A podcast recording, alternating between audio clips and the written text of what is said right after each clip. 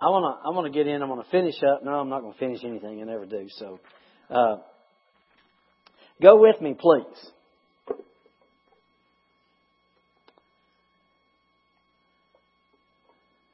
Tell you what, let's do this. I'm going to skip some of that. All right, I'm going to skip some of that because let, let's go. Let's go to Galatians six and nine. It's something. Well, it's a scripture we know very well. And Father, we just thank you for this night. We thank you for the word. We know, Heavenly Father, that your word says, you say, that your word is settled forever in heaven. And so we receive that settled word in Jesus' name. Amen. Amen. Galatians 6 and, and 9 is a, a scripture we know very well. I, I was telling, Darlene and I were talking about this because we uh, sit and talk about just different things. We were laughing the other morning, and, and while it's not a funny thing, it is interesting to look and see what we as a people think is important and must be dealt with, and then what the Lord deals with. And uh, let's uh, let's not get tired of doing what is good, and just the right at just the right time we will reap a harvest eh, uh, of blessing if we don't give up. And those are things that we need to understand. Certainly, don't grow weary in well doing. But what's the well doing? Well doing is believing. We've only been given one job.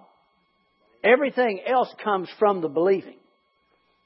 I don't fast because I think I need to fast. Okay? I don't do it because I believe. And it comes not from up here, but from in here. So when you believe, the word says we believe, therefore we speak. That's what we're doing. We're believing and then we're speaking. And I realize a lot of times we're taught to do things and as a habit, and those are wonderful. It's good to have good habits. It's good to study your Bible every day. it's good to pray every day. It's good to fast. It's good to do all those things. But if you ever turn them into the point where you think they're making you points, you're in trouble. Now we know again. I know growing up in church, most of us have lived this way, and we. I realize this is what the Lord spoke to my heart this week and even last week, and I'm trying to think exactly how it was said to me. It basically came like stop acting like that's not important. And because I was going over, I was thinking, Lord, I talk about that all the time. I talk about that all the time. Everybody knows that. There's no reason to keep going over that and keep going over that and keep going over that. And that's when he said, don't talk like that's not important. Because what we were discussing was his forgiveness and people knowing that they're forgiven. What we were talking about is his grace and people understanding that Jesus has already paid the price, that everything is already finished. You know, and so I was going over all that, and the Lord just reminded me, you know. He said, What did I give Kenneth Hagin to preach? I said, Faith. Taught it for, what, 70 something years or 60 something years.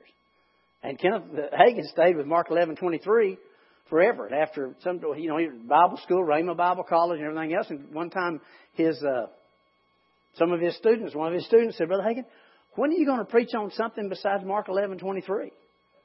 He said, when y'all get this. And he'd only been doing it 20 or 30 years. I, I, I'm, I'm not, I don't watch Joel Osteen. I catch him every once in a while. But I love Joel Osteen because Joel Osteen is, guess what? He's Joel Osteen. I love that about. I've heard people talk bad about Joel Osteen. The thing I love about Joel Osteen is he's Joel Osteen. He is doing what the Lord gave him to do and he realizes he's not supposed to do everything. He is not his daddy. I loved his daddy. Brother John was just such a blessing. Marion, you know, we grew up with Brother John and, and just loved him. And, and, and he has a lot of the things that his father did. But Joel Osteen is an encourager. That's what he does. And he does a great job of it. He is always lifting up Jesus and lifting up people. And you know, it's, it's time that we all just simply settle in on what God, the Lord gave us to do and just do that. And don't apologize for it. Don't feel like you have to have, uh, don't feel like you have to be fully rounded. Because in Christ Jesus, when you do what you're supposed to do, you'll be fully rounded. Because what other people decide is fully rounded for you is not. Because, you know, and, and pastors deal with that, and I know you probably do out on the, the workforce and everything else. you got to be everything to everybody. Well, no, you don't. No. You do what you do. And, and for us, we're going to tell people how good our God is. I am totally convinced that the way to change the world is tell people how good God is. You know, because there's no reason in them looking at us. I, I, I was thinking, I was praying over some things, and thinking about Ernest Meisenheimer. Of course, Ernest is going to be with the Lord, but Ernest, I don't know how many times in in all the years I've known Ernest, uh, I've heard him say this. He said it to me many, many years ago. I've heard him say it to other people. He said, uh, "You know, if you hear stuff about me, it's probably true." And what he was saying was talking about bad stuff. He said, if you hear bad stuff about me, it's probably true. Because I've never known a man any more committed to the grace of God than Ernest Meisenheimer. Ernest was a good man, don't get me wrong. I don't mean he did wrong things. I'm just saying, I, love that Kenneth Hagin was the same way. Kenneth never separated himself from God. It was not Kenneth. Now he would say, uh, you know, I'm Kenneth Hagin. I'm just doing what God told me. But he understood the only reason he was doing it is because God told him to. He never separated himself from the goodness of God. And God, well, we don't need to do that because, guys, we, you know, this is a little off the, the beaten path here, but it's the truth. If you, because we deal with good. We deal, well, I want to be good. Certainly, we all want to be good. We want to do good things. We want to have good habits. We want to do that. And that's, that's created in us because we're Christians. We're created unto good works, not by good works. All right? But growing up in church for most of us, it was about being good.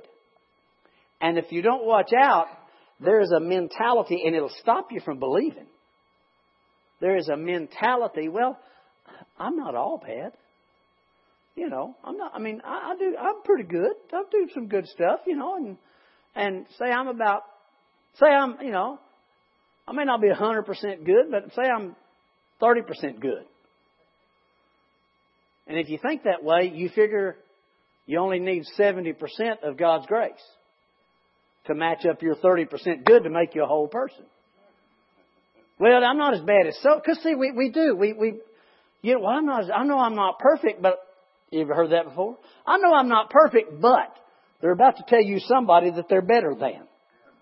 All right, but when you put that in there, then it starts to qualify you, and that is sin.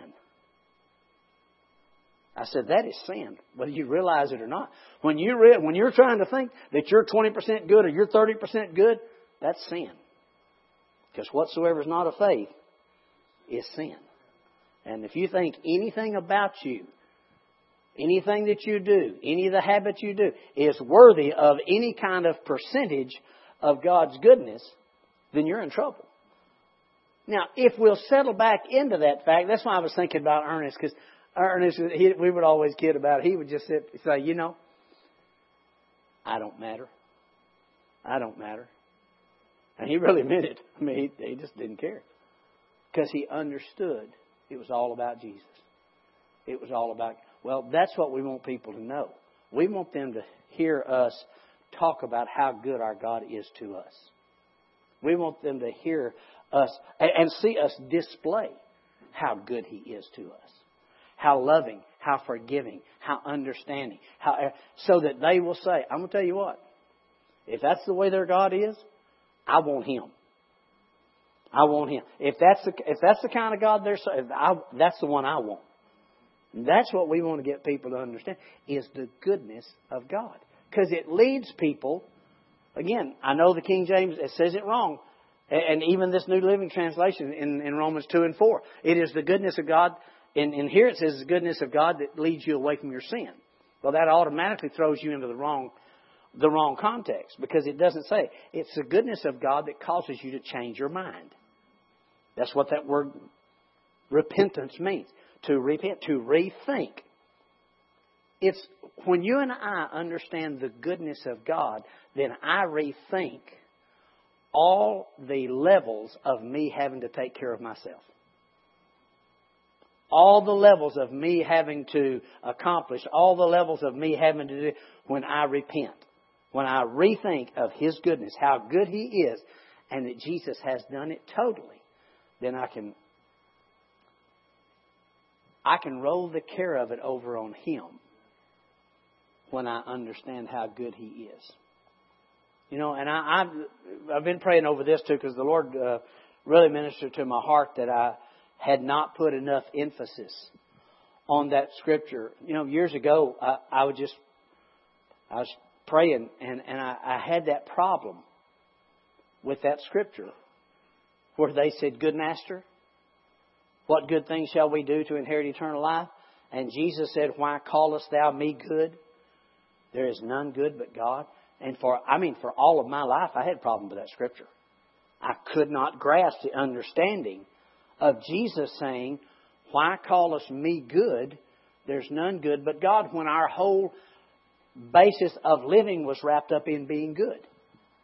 I could not understand it until the Lord got a revelation to me. And, you know, I started telling y'all this. I'd say, you know, if Jesus didn't put himself in the good category, there's no sense me and you trying. Okay? But what the Lord got over to me that, that a few years ago was the, the reason that's said is because if anybody thinks that they are good, then they will believe that they have measured up in some way, shape, form, or fashion to a certain extent. You cannot live by how good you are.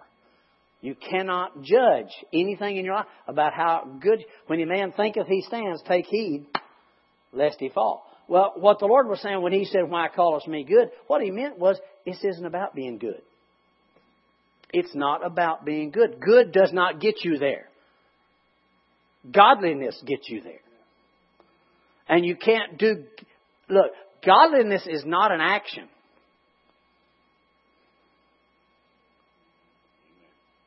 Godliness is a result of something that's taken place in you. Then you we live godly in Christ Jesus.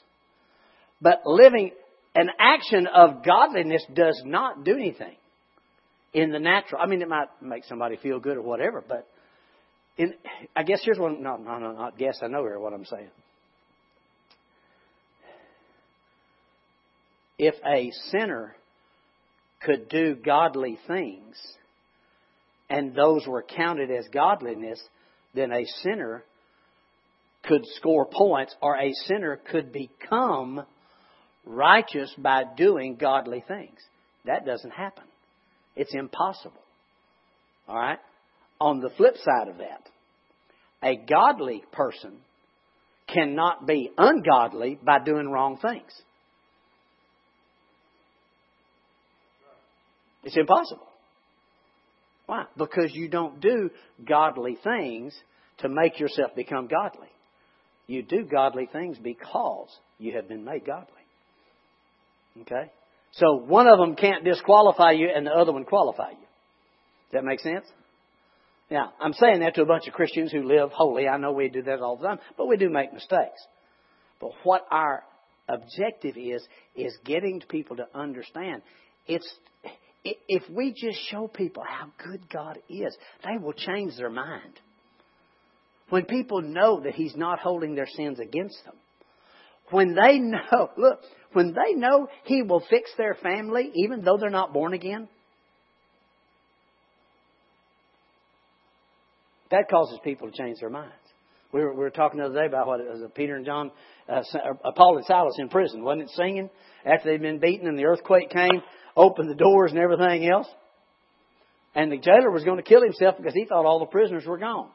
And, and, and for me, that would have had to be a hear from God because if I'm in prison and they beat me and an earthquake came and my chains fell off, I'm figuring that's a sign from God. I'm out of here as fast as I can go. But they didn't. Why? Because they had a purpose to tell people how good God was. And God is, uh, back then, how good God is. And that's why he said, don't harm yourself. We're all here. What happened? His whole family got saved because of how good God was. Okay. So, our objective is simply this telling people how good God is. It is not about how good we are. It's about how good He is. How good He is will make you good. It'll make you do good things. That's just, okay? But it's His goodness. It's the goodness of God that leads us to changing our mind. It's the goodness of God that leads the whole world out there. You know, when when, when you are when you're dis, disarm them, when you're getting to talk to people, and many people want to. I get this a lot because I'm a preacher, and people know I'm a preacher, and then we get to talking and out there, and then they start trying to tell me how they want to measure up. You know, and and you know, you just get that. You know how how they want to measure up. You know, and and and you think. So I just a lot of times tell them what's wrong with me. But I never tell them anything that's wrong with God. Because there's not anything. I don't care if they know something that's wrong with me. I, I don't care if they understand that I get aggravated or if it, I, that's that's not. A, I certainly do want to be a good example. But these people say, "Well, they can't know God unless they know you." I understand that, but the fact is, if you tell them about how good God is, the Holy Spirit does one thing. He witnesses to people's hearts. You need to know Jesus. So if you just tell people how good God is, then they start getting a hold of it. Really, they'll say? Really? Had a guy this week saying, Really? Yeah, really. Really. He is that good. Really? You know, the things I do wrong won't keep me from. No. No. But I've always been told. I said, You've always been told wrong. We always thought that. You know? Well, you can't do it. No. There's too many examples in of His goodness. I mean, the only the, uh, the I was laughing reading them. Uh, when they sent out the ten spies to go spy out the land that the Lord had already promised to give them, right? He He didn't send them out. The spies were not sent out to see if they could take the land. They were sent out to see the land that they could take. Right? This is the land that I'm giving you. Send out these ten spies to search out the land. So they went out. Or 12 spies. How many was it? Somebody tell me. 10 or 12? was 12 spies. It was t- t- uh, the 10 lousy ones and two good ones. Okay. The 10 that came back, they looked at the circumstances and describe the circumstances. And I know, you know, we've heard this so many times. But, but the thing I got from Joshua and Caleb, they did not dispute that there were giants in the land. They did not dispute everything. They, they didn't dispute that. Here's what Joshua and Caleb knew. And I figured it out as I was reading. They knew the goodness of God. How did they know that? Because God said, I'm giving you this land. They knew that was the goodness of God. And they knew they were not going to do it on their own. When God says, I'm giving it to you, it's not, now you go fight the battle for it. Will there be battles? Certainly. But if the Lord, let the Lord fight the battles. His goodness is what Joshua and Caleb saw. Why? Because they believed what God said. God didn't say, you know, if you, you fight good enough, you'll have it. He said, I want you to go spy out the land that I'm giving you. Well, the ten came back and they gave the evil report, and people believed the evil report. But Joshua and Caleb simply believed in God's goodness. Now, now, what do I mean by that? If God says it, you don't deserve it. None of us do. No matter what it is, by His stripes, you were healed. Do you deserve that? Well, of course you don't deserve that. Didn't get it because I deserve it. Getting it because He loves me. All right? What is that? He loves me no matter what. That's goodness. That's why we don't even try to put ourselves in that situation because we, we have things that people have to measure up to a lot of times to be how good we're going to be to them. God is just good no matter what. So it's the goodness of God that leads people to change their mind. Well, when when Joshua and Caleb knew God had said you could have it, they just believed in His goodness. You know, we've been talking a lot lately about the the people in the crowds that Jesus healed. Do you realize all they were believing in was His goodness? There was the lady that came behind him in the press. Why did she think she could be healed? Because she had seen everybody else get healed. She had heard about him. She became behind, and she said this to herself If I can touch the hem of his garment, I shall be made whole. She knew he was willing because she'd seen him do it. That's God's goodness. Uh, what is uh, is it Acts ten thirty eight that how God anointed Jesus of Nazareth with the Holy Ghost, who and Holy Ghost in power, who went about doing good, healing all who were oppressed of the devil, because God was with him. All right. I was praying over that verse today, and, and, and the Lord reminded me do you see what you need to believe for in your healing, in, in every area? My goodness. Nothing but my goodness. Because you're going to see that because of my goodness. Now, you cannot believe in God's goodness without having faith. You know, all of us have struggled all our life to work on our faith and work on our faith and work on our faith. Believing is faith. Believing His goodness is having faith. Why did that lady think she could be healed? She had seen him do it to everybody else. She didn't question. Well, I'll touch the hem of his garment. I'll just see if he'll be willing to heal me. No. She said, if I touch it, I'll be made whole. Why? It was his goodness. That's all she's thinking about. His goodness. Why am I going to receive? Why are things about to turn for me?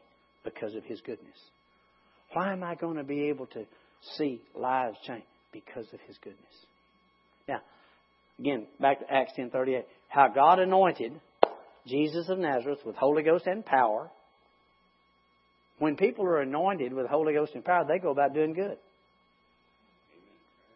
They do good. Why? Because God is good. His mercy endures forever. Anything that's of God does good. That's why we don't need to be all wrapped up in how much good we do because we're going to do good because we are of God.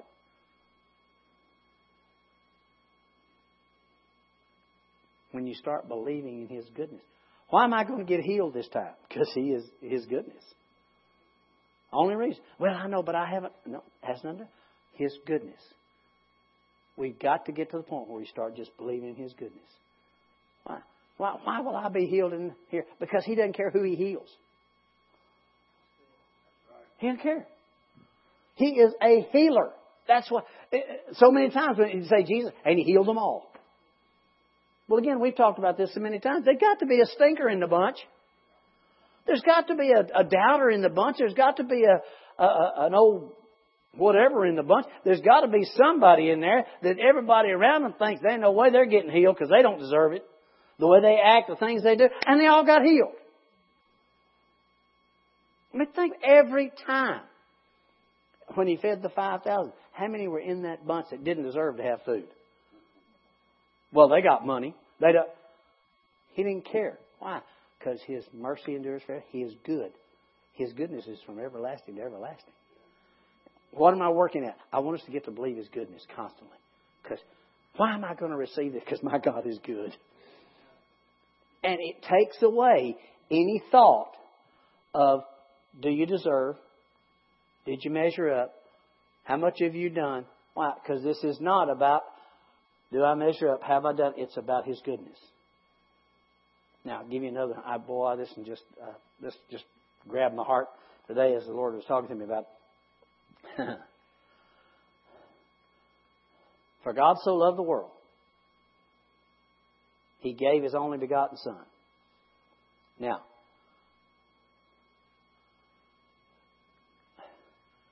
before Jesus became flesh and dwelt among us, he was in heaven, right?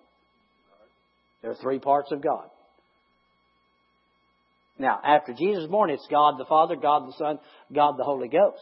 Before he became flesh, it was God, the Holy Spirit, and the Word. Right? There's those three parts. Jesus became the Word made flesh.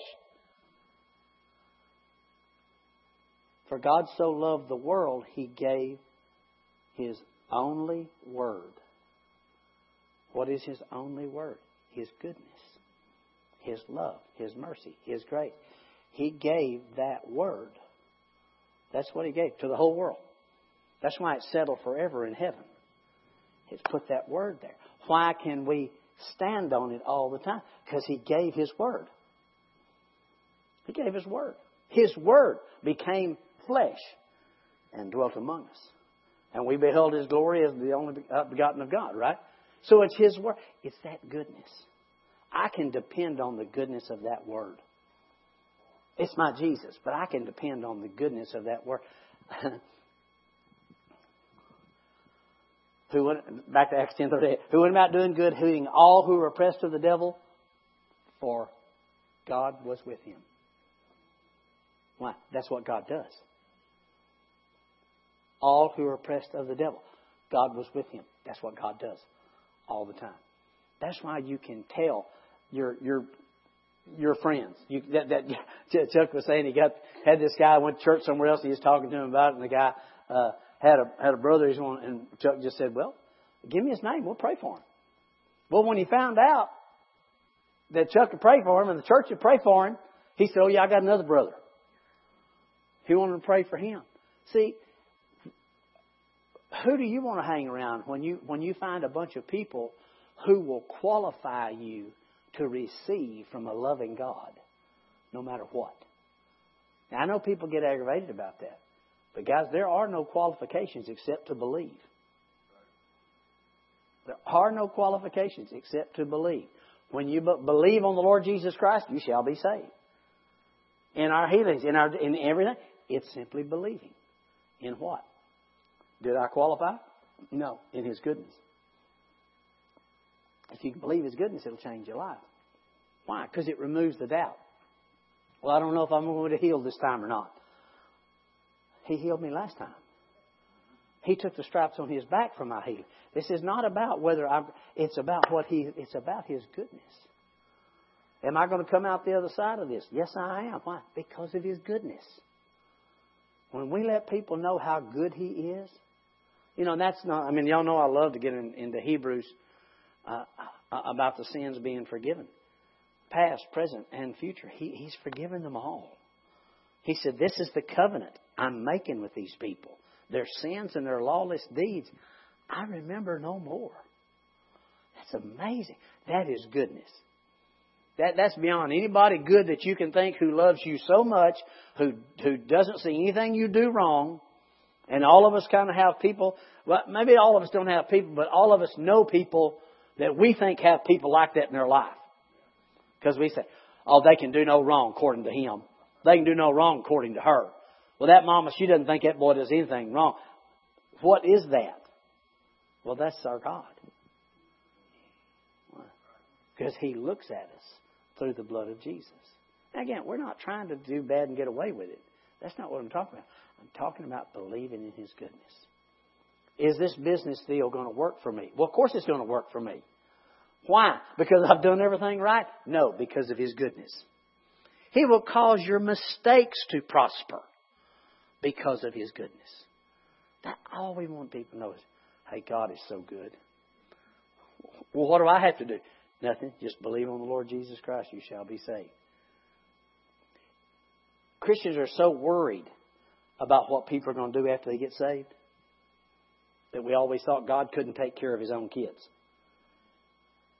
That we, we thought that the DNA of God was not powerful enough to bring people into the image of his dear son. That's where we missed it.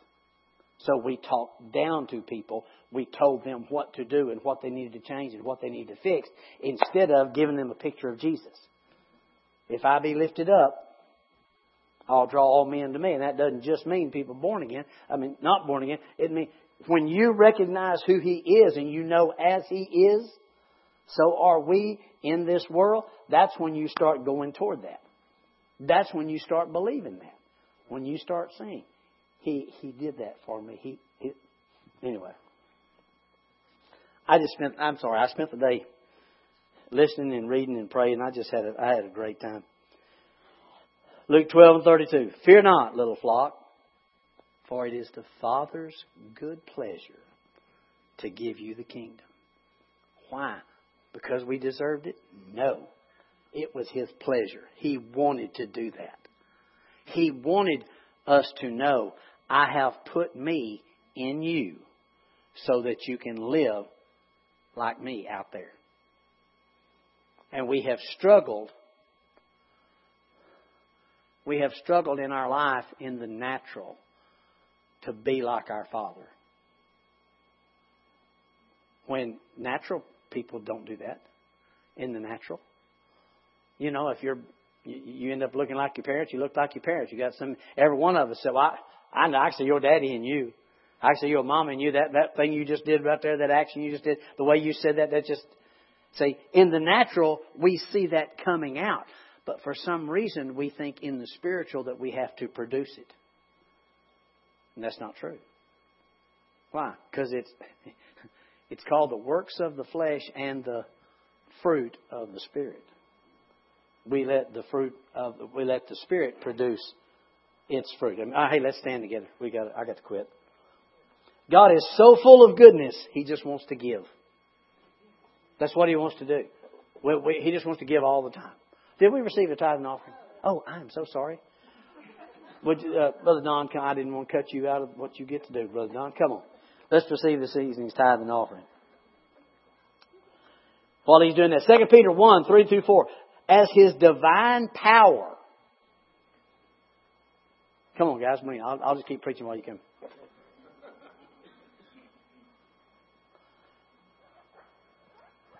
His divine power. Then it says His divine nature.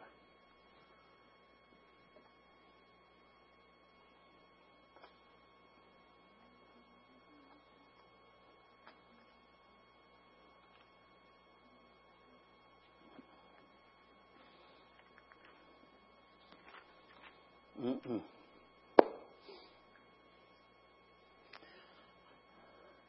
Heavenly Father, thank you this night. We are your children. It is such an honor to be your child. Thank you for teaching us how to let go and let you operate through us in your goodness. Thank you for giving us the opportunity every day of our life to tell people how wonderful you are how great our Jesus is. Lord, we just thank you. The more, Lord, I know the more we understand your goodness, the more faith comes. The more we have a revelation of what's going to take place in our life when we understand how good you are. Oh, we just give you praise, Lord. The world needs to hear how wonderful our Jesus is. We thank you this night, Lord. We've received our health, our wealth, our peace, our life, our joy. Thank you that all comes from you. Now, as we go out this rest of this week, thank you for sending people into our path that we can tell them how good you are, how much you love them, what you've already done for them, Lord.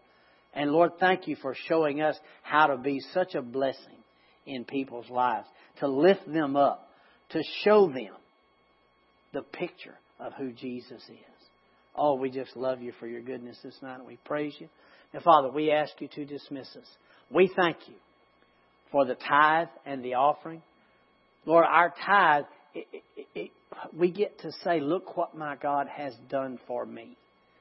And when we get to do that, it just continues. It's the secret of the tithe. It explodes the thing, Lord, in our life. And we just give you praise for it. We ask you to dismiss us this night. We thank you for the opportunity we've had to be together. And we bless you, Father, in Jesus' name. Amen.